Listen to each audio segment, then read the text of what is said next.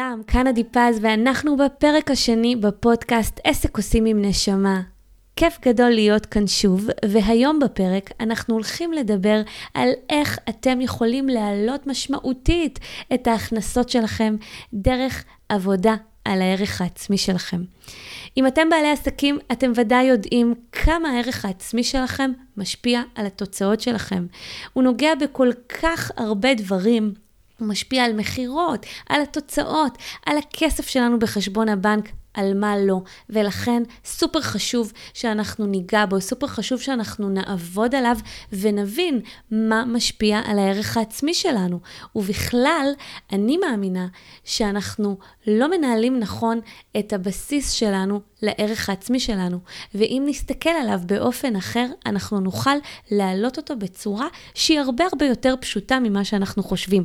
ומי שלא עובד על הערך העצמי שלו, יכול ממש להיתקל בקשיים בהרבה מאוד תחומים שתכף אנחנו ניגע בהם. אז אם אתם גם מוצאים שקשה לכם לספר על עצמכם, או למכור, או לדרוש את הכסף שמגיע לכם לקבל על המוצר או השירות שלכם, אם אתם מרגישים שקל לכם יותר לעשות דברים בחינם, אבל אם מתערבב שם כסף, פתאום היכולות שלכם קצת פחות מחודדות ואתם מרגישים פחות נוח עם לתת את אותו שירות שאתם נותנים בכיף בחינם. אם אתם למשל נמנעים מלכתוב או נמנעים מלהביע את דעתכם ולספר על האג'נדה שלכם, כנראה שבחלק מן המקרים הסיבה שאתם מתקשים שם זה בגלל הערך העצמי שלכם. אז מה באמת משפיע על הערך העצמי שלנו, ולמה בברירת המחדל של רובנו, הערך העצמי שלנו הוא מאוד מאוד נמוך. אז בואו נבין כמה עובדות חשובות על הערך העצמי שלנו. אני מזהה שיש להרבה מאיתנו הרגל לצמצם את עצמנו. אנחנו ממש ממש מתקשים לראות את הטוב שבנו. אם אני אשאל אתכם עכשיו, מה היה לכם טוב היום, יהיה לכם קצת יותר קשה לשלוף את הנתון הזה, מאשר אם אני אשאל אתכם מה לא עבד לכם, או מה היה לא טוב שעשיתם היום. ותאמינו לי, ניסיתי את זה לא מעט פעמים עם לקוחות שלי. בכלל, אנחנו כחברה מסתכלים במבט מאוד מאוד ביקורתי ושיפוטי גם על עצמנו וגם על הסביבה. אנחנו מגיל מאוד מאוד מאוד צעיר התרגלנו לתת ציונים לכל מיני דברים. זה טוב, זה לא טוב וזה מספיק טוב. כשאנחנו מסתכלים על עצמנו, יהיה לנו מאוד מאוד קשה לראות במה אנחנו טובים, אבל כשאדם אחר יסתכל עליי, יהיה לו הרבה יותר קל להסתכל ולראות את הדברים שאני חזקה בהם, את הגדולה שלי. מעבר לכך, שיש לנו נטייה לצמצם את ההצלחות שלנו. כשיש לנו איזה שהן הצלחות, אז אנחנו ממש עוברים עליהן די מהר. לעומת זאת, כשיש לנו כישלונות, אנחנו יכולים ליפול מהם ולהיתקע בהם במשך שבועות ואפילו יותר. ואם אתם רוצים לבדוק את זה על עצמכם, אז גם אתם יכולים לשאול את עצמכם, מה ההצלחה הכי גדולה של השנה האחרונה שלכם? ולעומת זאת, תשאלו את עצמכם, מה הכישלון הכי גדול? אני מניחה שיהיה לכם הרבה יותר קל מיד לחשוב על אותו כישלון. והמקום הביקורתי הזה שאנחנו רגילים בעצם לחשוב איתו ולחשוב דרכו, כל הזמן מזין בתוכנו את תחושת הלא מספיק טוב. והדבר הזה מוביל אותי גם לחפש כל הזמן אישורים מהסביבה. וכאשר אני כל הזמן עסוקה בלהבין מהסביבה אם זה מספיק טוב או לא מספיק טוב, אז המון פעמים זה מרחיק אותי עוד יותר מעצמי. אני לא באמת מאשרת את עצמי, אני לא באמת מרגישה שאני מספיק שווה, והשקט הפנימי והערך שלי לא באמת עולים כשאני מקבלת את האישור מהסביבה, והם לא יהיו מנת חלקי בזמן הקרוב עד שאני לא אגע בעצם בשורש הבעיה. אבל שם בדיוק נמצא הקושי של הערך העצמי. בגלל שאנחנו רגילים לקבל את האישורים מהסביבה, ובגלל שאנחנו לא סומכים על עצמנו ואנחנו מחפשים המון פעמים את התשובות בחוץ, אנחנו מחפשים בגוגל ואנחנו הולכים ליועצים, ואנחנו לא רגילים להסתמך בעצם על עצמנו, יש שם עוד דבר שאנחנו לא מתייחסים אליו, ואנחנו לא באמת מתייחסים לרצון האמיתי שלנו. החברה יצרה איזושהי נורמה שאנחנו חייבים להיות דומים אליה. ואם אנחנו לא דומים אליה, ויש פרמטרים מאוד מאוד ברורים של מהי הנורמה, ומה נכון, ומה צריך להיות, ומהו המסלול שאנחנו צריכים לעבור בדרך שלנו כדי שנהיה מספיק טובים, אז אם אנחנו חורגים ממנה, אנחנו בעצם לא מספיק טובים. וכעסקים, כשאנחנו לא שואלים את עצמנו מה אנחנו רוצים, נקודת המוצא שלנו היא לא תמיד נכונה, והיא בדרך כלל מקור לכל הבעיות. כי במקום שעסק ישאל את עצמו מה הוא רוצה לעשות, או איזה מוצר הוא רוצה לייצר, או איזה שירות הוא רוצה לתת, עסקים שואלים את עצמם, מה כדאי לי לעשות? או מה יביא לי כסף? או מה ייראה טוב עליי? במה אני אתגאה לעסוק? ולא במה אני רוצה. וכתוצאה מזה, כשאני נכנסת לעסק שלי, אני אשאל את עצמי מה הלקוחות שלי רוצים ממני, ולא מה אני רוצה לייצר ללקוחות שלי. ואז אני פוגשת הרבה מאוד עסקים שיש להם מוצרים נפלאים, ויש להם עסקים שעל הנייר הם עסקים נהדרים, אבל בפועל, או שהם לא אוהבים את מה שהם עושים, או שהם לא מתפרנסים מהם כמו שצריך. ואני מניחה שאתם כבר מדמיינים לעצמכם מה קורה שאנחנו או לא אוהבים או לא מצליחים במה שאנחנו עושים. הערך העצמי שלנו בעיני עצמנו יורד, וכתוצאה מזה אנחנו לא מרגישים שאנחנו מספיק שווים. אז בעיניי משם מתחיל כל הקושי של הערך העצמי. הכל מתחיל ברצון שלנו, כי כשאני בעצם עושה את מה שאני רוצה, זה מוביל אותי לכך שאני בהכרח הולכת באיזושהי דרך שהיא מאתגרת אותי. זה גורם לי לסמוך על עצמי יותר. זה גורם לי לחרוג מהמקום הנוח והמוכר.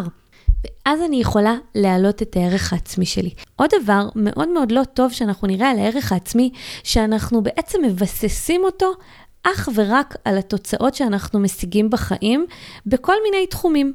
זאת אומרת שאם בעסק שלי אני מצליחה להביא לקוחות, אם בעסק שלי אני מצליחה להתפרנס כמו שאני רוצה, אז הערך העצמי שלי יהיה טוב. לעומת זאת, אם אני לא אצליח, הערך העצמי שלי בעיני עצמי לא יהיה מספיק טוב, ויכול מאוד להיות שאני בעלת מקצוע מצוינת, רק מתקשה במקומות אחרים, אבל עדיין הערך העצמי שלי והשווי שלי בעיני עצמי יהיה נמוך. וכאן הטעות הנפוצה שלנו. כי כשאנחנו לא עושים את ההפרדה הזאת בין התוצאות לערך העצמי שלי, יהיה לי ממש קשה להביא את הלקוחות האלה. יהיה לי ממש קשה לעשות שיפור במקום השיווקי או בכל מקום אחר שאני מתקשה בו. עכשיו, נכון, שהרבה יותר קל לאמץ את הערך העצמי שהוא מבוסס וגבוה כשיש לנו תוצאות, אבל כדאי שנאמץ ערך עצמי גבוה ומבוסס על סמך פרמטרים אחרים. אז מה בעצם צריך לעשות? איך אנחנו יכולים להעלות את הערך העצמי שלנו בעיני עצמנו, ואיך אנחנו יכולים להסתכל על זה בצורה הכי נכונה. אז דבר ראשון, אנחנו חייבים להתחיל לשנות את המושג הזה של ערך עצמי. ערך עצמי לא צריך להיות קשור לתוצאות שלנו, ולכן במקום לבסס ולקשר את הערך העצמי אך ורק לתוצאות, אני רוצה לשנות ולבסס את הערך העצמי שלי על סך הנכסים שלי. והנכסים שלי זה הערכים שלי, זה ההתנסויות שלי, זה החוויות שלי, זה הידע שלי. זה כל מה שיש לי לתת, זה הרעיונות שלי, זה הכישרון שלי, זה השכל שלי, זה החדות שלי. ואת זה אי אפשר לקחת. וגם אם עכשיו אני אתחיל עסק חדש, כל אותם הדברים והניסיון שלי וכל מה שחוויתי בא איתי לעסק החדש הזה. וזה אומר ש... גם אם אני מתחילה משהו חדש, הערך העצמי שלי לא צריך להתחיל מאפס, כי סך הנכסים שלי מגיע איתי לשם. מה שכן, אני צריכה להתחיל ולזהות את אותם דברים בעיני עצמי. אני צריכה לזהות מה טוב בי. אני צריכה לזהות איזה כישורים יש לי שאני יכולה להוציא מהם, שאני יכולה להפיק מהם תועלת. ואני צריכה להתייחס אליהם, להוקיר אותם, ואולי אפילו גם לחזק אותם. אז זה קודם כל צורת החשיבה שאנחנו רוצים לשנות על מנת להעלות את השווי שלנו בעיני עצמנו. מעבר לכך, אנחנו רוצים, דבר ראשון, להתחיל ולהתאמן על לבחור מהלב ולא לבחור מהשכל. זאת אומרת, במקום לשאול את עצמי מה אני צריכה לעשות, או מה נכון לי לעשות, או מה יביא לי כסף, אני רוצה לשאול את עצמי מה אני אוהבת לעשות, מה הרצון האמיתי שלי, מה יעשה לי טוב, מה יביא לי סיפוק.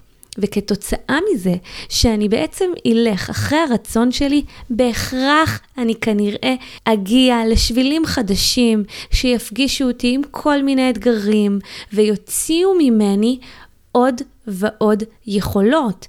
בגלל אותם אתגרים שהם לא יהיו באזור הנוחות שלי, אני אמשיך להיות כל הזמן בצמיחה ואני אמשיך כל הזמן לסגל לעצמי עוד תכונות ועוד ערכים ועוד התנסויות שאני מזכירה לכם שעליהם אני רוצה לבסס את הערך העצמי שלי ולכן נכון לי לבחור מהלב. מעבר לכך שאני מאמינה ששם בסופו של דבר יהיה השפע הגדול שלנו וגם יהיה הרבה יותר קל בסופו של דבר. אז זה אחד. שתיים, אני רוצה להתחיל לתעד את כל ההצלחות שלי. אני רוצה לתעד את הדברים הטובים שאני עושה, כי יש לנו נטייה, כמו שאמרנו, לשכוח את ההצלחות האלה מאוד מאוד מהר. אני ממש רוצה לעשות מעין תיעוד, כמו תעודת ביטוח שיש לנו על הנכסים שלנו, אז אנחנו יכולים לתעד במחברת תעודת הביטוח שלנו את כל אותם ההצלחות שעשינו, קטנות כגדולות. אני רוצה לעגן אותם במציאות, ומעבר לזה שאני כותבת אותם, אני רוצה להתחיל לספר אותם. אתם רוצים להתחיל להתגאות בתוצאות שלכם, בסיפורי ההצלחה שלכם. אני יכולה להגיד לכם שאני שמתי לב על עצמי שיותר מדי אה, שמרתי את ההצלחות שלי לעצמי. אני סיפרתי מה שנכון לכל מיני אנשים מסביבי, אבל לא סיפרתי על דברים מאוד מאוד גדולים שאני עושה. ואני קיבלתי על זה נזיפה מאוד חמורה מאחת מהלקוחות שלי. מה שאתם יכולים לעשות כבעלי עסקים זה אפילו לשמור לכם עדויות, המלצות, מכתבי תודה של לקוחות שלכם.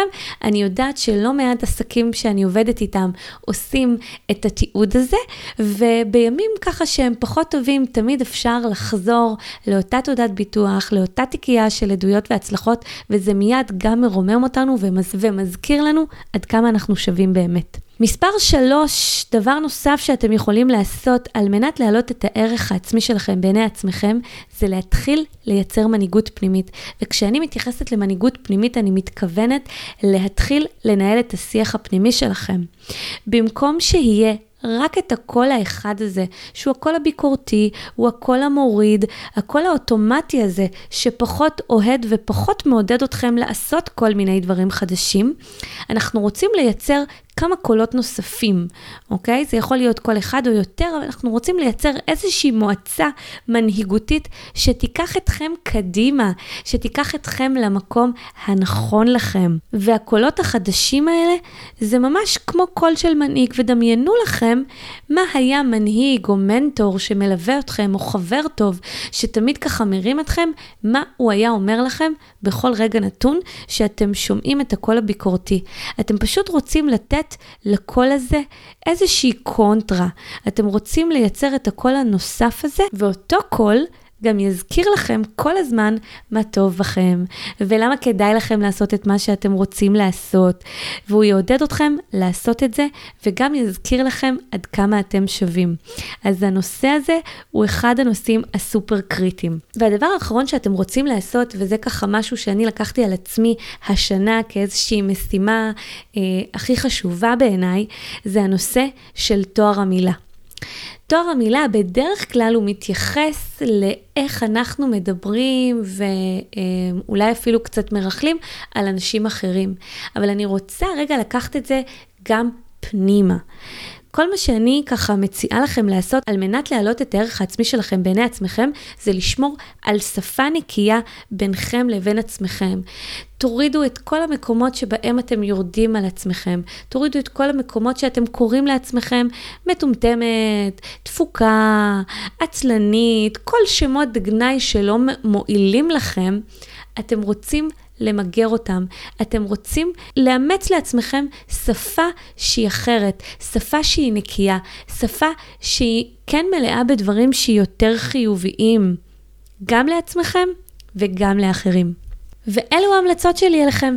בעצם מכאן, כל מה שאתם צריכים לעשות זה לתרגל את כל הדברים האלה, ואני באמת חושבת שזה מתחיל בשינוי החשיבה, בהפרדה הזאת של הערך העצמי מהתוצאות שלנו, מזה שאני אקח ואזכיר לעצמי שאני שווה לא רק בגלל התוצאות, אלא אבסס את הערך העצמי שלי על כל מה שיש בי, על הכישורים, על היכולות, על הערכים.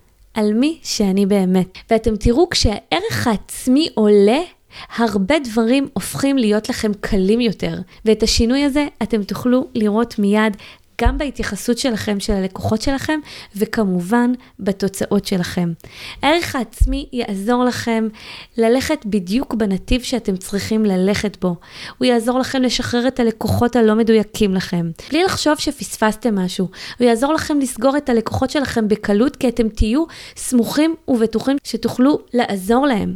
אז תזכרו טוב טוב על מה אתם רוצים לבסס את הערך העצמי שלכם. ואני מודה לכם שהקשבתם לי עד כאן, ואם אתם רוצים לקבל עוד תכנים מעולים שקשורים לעסקים עם נשמה, אתם מוזמנים לחבור אליי לקבוצת הפייסבוק עסק עושים עם נשמה, וכמובן, לא לשכוח לחזור לכאן לפרק הבא. אז תודה ובהצלחה, להתראות.